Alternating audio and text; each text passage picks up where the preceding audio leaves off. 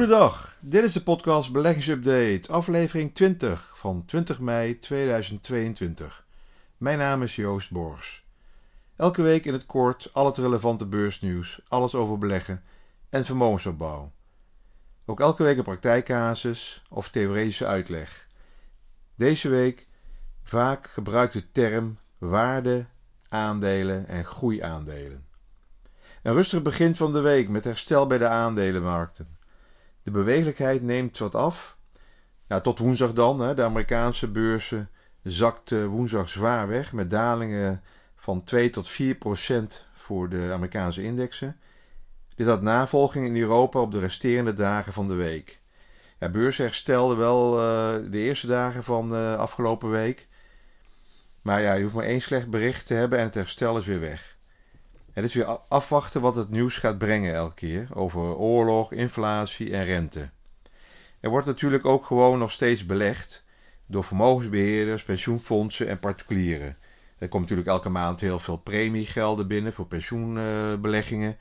Dus er moet natuurlijk ook eh, belegd worden. Het gaat wel wat minder enthousiast dan voorheen.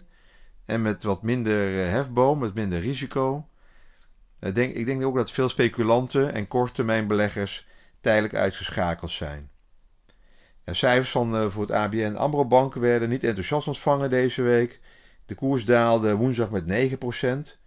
Ja, dit kwam toch vanwege de toegenomen kosten voor het uh, project uh, witwassen. Ik denk dat deze specifieke kosten tijdelijk zal zijn en volgend jaar zal afnemen. Ook is er nog een klein belang in Rusland wat afgebouwd wat op werd afgeschreven ja, de cijfers waren op zich mooi, maar de koers was wel, uh, de daling was wel heftig. Andere cijfers, Amerikaanse cijfers, even een indicatie. Amerikaanse retailers, hè, de populaire winkelketens uh, die je vaak ook op TikTok filmpjes ziet, de Target en Walmart. Nou, deze cijfers vielen tegen en de koersen daalden echt fors. Tussen de 15 en 25 procent daling op één dag. Nu blijkt wel wat bij deze twee retailers, en het zal misschien voor exemplarische voorbeelden zijn voor de rest. Misschien doet de rest het ook wel, dat de voorraden heel hoog zijn. Ze hebben extreem veel ingekocht vanwege mogelijke haperingen in de logistieke ketens. En dat gaat nu geld kosten. Ook zijn de Amerikaanse consumenten wat uh, terughoudend met hun uh, bestedingen. En zijn zeker niet bereid de hogere prijzen te betalen die door inflatie worden doorberekend en daar hebben dus deze retailers last van. Het is natuurlijk wel een voorbode van eventueel misschien een uh, afnemende economische groei en een recessie. Wat je natuurlijk ook vaker leest en hoort, afgelopen tijd is de term waarde en groeiaandelen. Maar vooral waardeaandelen worden genoemd. Beleggers kijken naar waardeaandelen. Die zijn nu weer pop, uh, populair. Nou, dus ik kreeg een vraag van uh, wat zijn dan precies groeiaandelen en waardeaandelen? Ik zal wat proberen uit te leggen. Maar in ieder geval die groeiaandelen in Amerika, growth stocks genoemd. Er zijn wereldwijd tienduizenden aandelen waaruit een belegger kan kiezen. Om het overzicht te bewaren maakt de beleggingswereld vaak een indeling op basis van regio, sector of beleggingsstijl. Op aandelengebied zijn er wat betreft de, dat laatste twee hoofdstijlen groei en waarde. Bij de groeistijl beleg je in groeiaandelen die gekenmerken doordat de inkomsten en winsten van deze bedrijven heel snel toenemen. Dat is het woordje groei waarschijnlijk eh, mee te maken hebben. Voorbeelden zijn Apple, Tesla, Amazon, Nvidia, Netflix. Vaak ook biotechnologiebedrijven. Beleggers zijn vaak bereid om wat meer te betalen voor deze aandelen, omdat ze optimistisch zijn over de toekomst van de betreffende bedrijven. zo van, uh, je moet er nu in zitten, want anders mis je de boot. Aan de andere kant zijn er ook aandelen eh, waarvan de inkomsten en winsten minder snel stijgen. Meestal is dit soort aandelen wat goedkoper gewaardeerd dan het marktgemiddelde. Dat verklaart waarom dit soort bedrijven op de beurs waardeaandelen genoemd, of value-aandelen genoemd worden. Je krijgt meer waarde voor je geld. Vaak keren waardeaandelen ook een hoger dividend uit dan groeiaandelen. Sommige groeiaandelen keren helemaal geen dividend uit. Goede voorbeelden van uh, van dividenduitkerende bedrijven zijn uh, voedingsfabrikanten, Unilever, Procter Gamble, Nestlé, uh, Johnson Johnson is er een. Energiebedrijven die keren een hoog dividend uit. Hè. Shell keert hoog dividend uit. Pharma-industrie. En ook bankaandelen hebben nog steeds een hoog dividendrendement.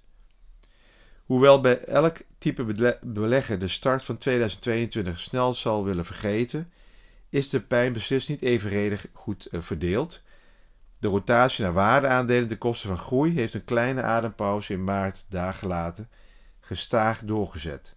De voornaamste reden is dat een aanhoudende hoge inflatie.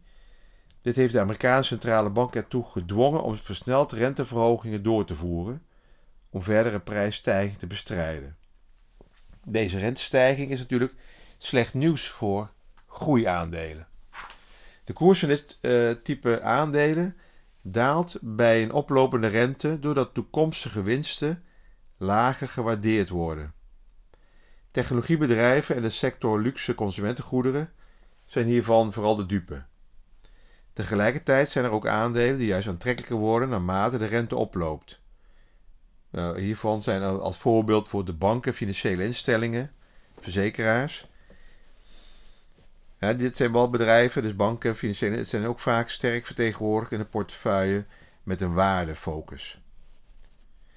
Daarnaast heeft de waardefactor een extra zet gekregen door de sterk presterende energiebedrijven als gevolg van die oplopende olie- en gasprijzen. Maar mocht de inflatiecijfer sneller dalen dan verwacht, dan zou dit de ruimte geven voor centrale banken om iets minder snel die rente verder te verhogen.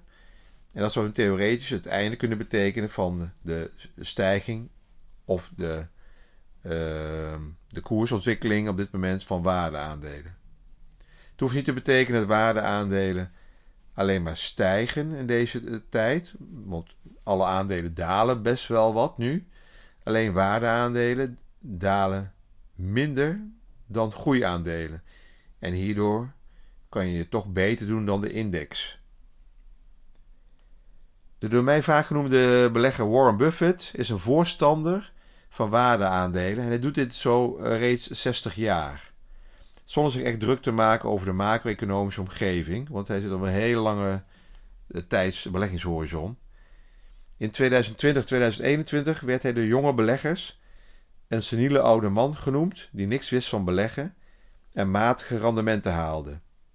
Dat, dat gold voor die afgelopen twee jaar. Maar dit jaar heeft hij weer alles en iedereen verslagen. Zijn beleggingsfonds heeft dit jaar een plus laten zien. Berkshire Hathaway. Zijn tegenhanger is duidelijk uh, Katie Wood. die heb ik verleden week nog weer even genoemd. Zij belegt uitsluitend in speculatieve groeiaandelen deden dus heel erg goed in 2020, 2021. Maar heden is het echt dramatisch. Met uh, tussen de min 50 en min 60 procent. Er zijn geen duidelijke regels waaraan je kunt aflezen of een aandeel in de categorie groei of waarde valt.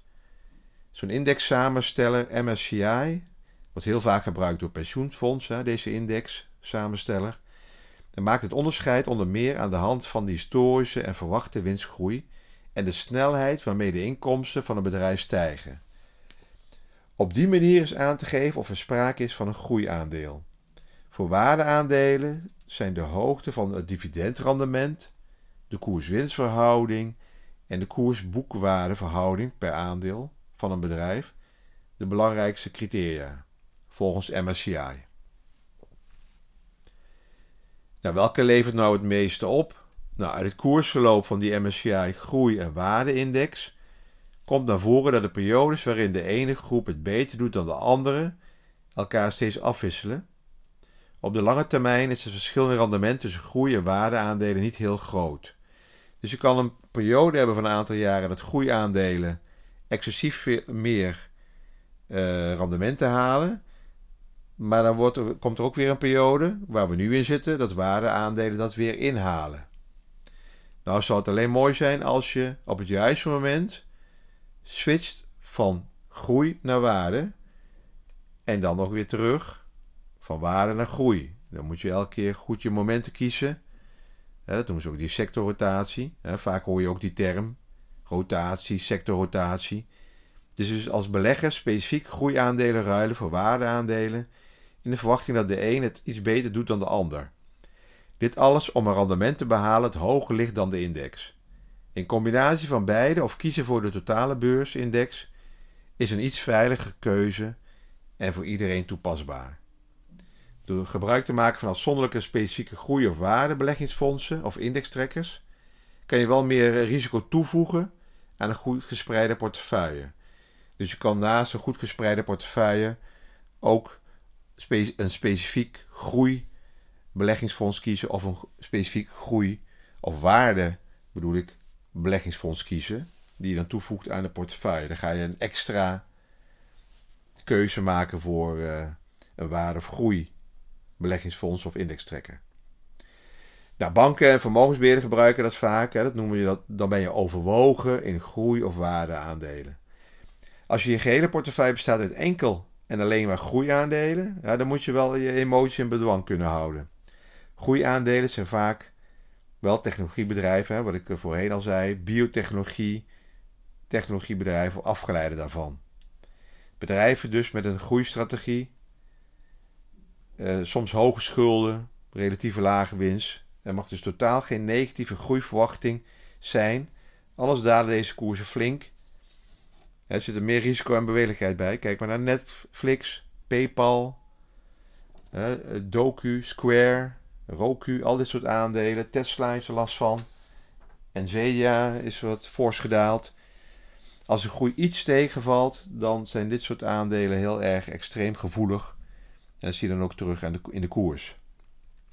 In Nederland zie je het terug bij Proces, uh, ASMI, ASML, Altien, die uh, toch wel fors hebben ingeleverd. Nou, ik heb via een bekende vermogenssite een aantal beleggingsfondsen geselecteerd. Uh, twee groeifondsen zijn bijvoorbeeld de Comgest Growth Europe of de Fidelity European Dynamic Growth. Ik heb uh, vier waardebeleggingsfondsen. Uh, European High Dividends. Of Franklin Mutual European Fund. Een indextrekker die uh, in waardeaandelen belegt is iShares MSCI World Value. Um, of het actief beheerde Robeco BP Global Premium Equities. Er zijn er veel meer. Je kan je kan ook alleen maar technologie-aandelen selecteren door bijvoorbeeld een indextrekker op de Nasdaq te kiezen. Dat is de, de QQQ-indextrekker. Maar ja, bij beleggen horen. dat is een, een, een ander onderzoek, even op heel wat anders. maar het heeft wel te maken met de markt waar we op dit moment in zitten. bij beleggen horen dus beleggingsprofielen of risicoprofielen. Ik denk dat de meeste van jullie daar wel uh, al gemerkt hebben. Als je een rekening opent, dan krijg je een bepaald uh, beleggingsprofiel. Of je moet een aantal vragen invullen. Nou, dan komt er een profiel uit. De meeste banken, beheerders of online brokers hebben er vaak vier. Er zit tussen defensief in tot zeer offensief. Sommigen hebben er vijf. Dat hoort ook een zeer defensief. Er zijn partijen die dus het profiel zeer defensief hebben. Dit betekent dat er zeker 80 of 90% in obligaties belegd uh, zit. Het profiel zeer defensief of defensief wordt vaak gebruikt voor pensioenportefeuilles die richting uitkering lopen of beleggers die voor heel veel zekerheid uh, gaan, heel veel zekerheid wensen en een laag risicoacceptatiegraad hebben. Uh, nu blijkt dat defensief en zeer defensief, dus uit een onderzoek, de laatste anderhalf jaar door de heftige rentestijgingen en de dalende obligatiekoersen Natuurlijk hebben deze een flink negatief rendement, hè, tussen de min 6 en min 10, de laatste zes maanden. Daarom zijn dus nu een aantal financiële instellingen die stoppen met het aanbieden van beleggingsprofiel zeer defensief. Of misschien niet helemaal uh, uit hun uh, productpalet gooien, maar in ieder geval gesprekken aangaan met beleggers om niet meer te beleggen, om niet meer in deze profielen te zitten, maar een profiel hoger te kiezen. Ik weet ook wel dat het moeilijk te verkopen is om een beleggingsprofiel te kwalificeren als defensief met rendementen van min 10%. beleggers zien toch hun vermogen flink teruggelopen terwijl er staat defensief. En het helemaal niet zo defensief is. Maar ja, dat is het risico van obligaties in een omgeving waar de rente heel snel stijgt. Dus banken houden dus op dit moment gesprekken met particuliere beleggers of met beleggers en schuiven met klanten op naar een meer neutraal profiel. Hè. Die gaan een stapje hoger of één of twee stapjes hoger, misschien naar een offensief profiel. Dit betekent niet dat het risico lager wordt. Hè. Stel je voor dat de aandelenmarkt dus vanaf vandaag nog eens met 25 of 30 procent daalt. Dan zit je met een neutraal profiel ook niet lekker. En als je beter in defensief kunnen blijven. Maar ja, beleggen blijft dus een lange termijn uh, vooruitzicht, uh, blijft dus lange termijn planning. En accepteer negatieve rendementen in een bepaalde periode. Daar ontkom je niet aan. Nou, dank voor het luisteren. Alles is op persoonlijke titel. Geen direct advies. En op basis van openbare informatie. En ik spreek jullie volgende week weer. Tot dan.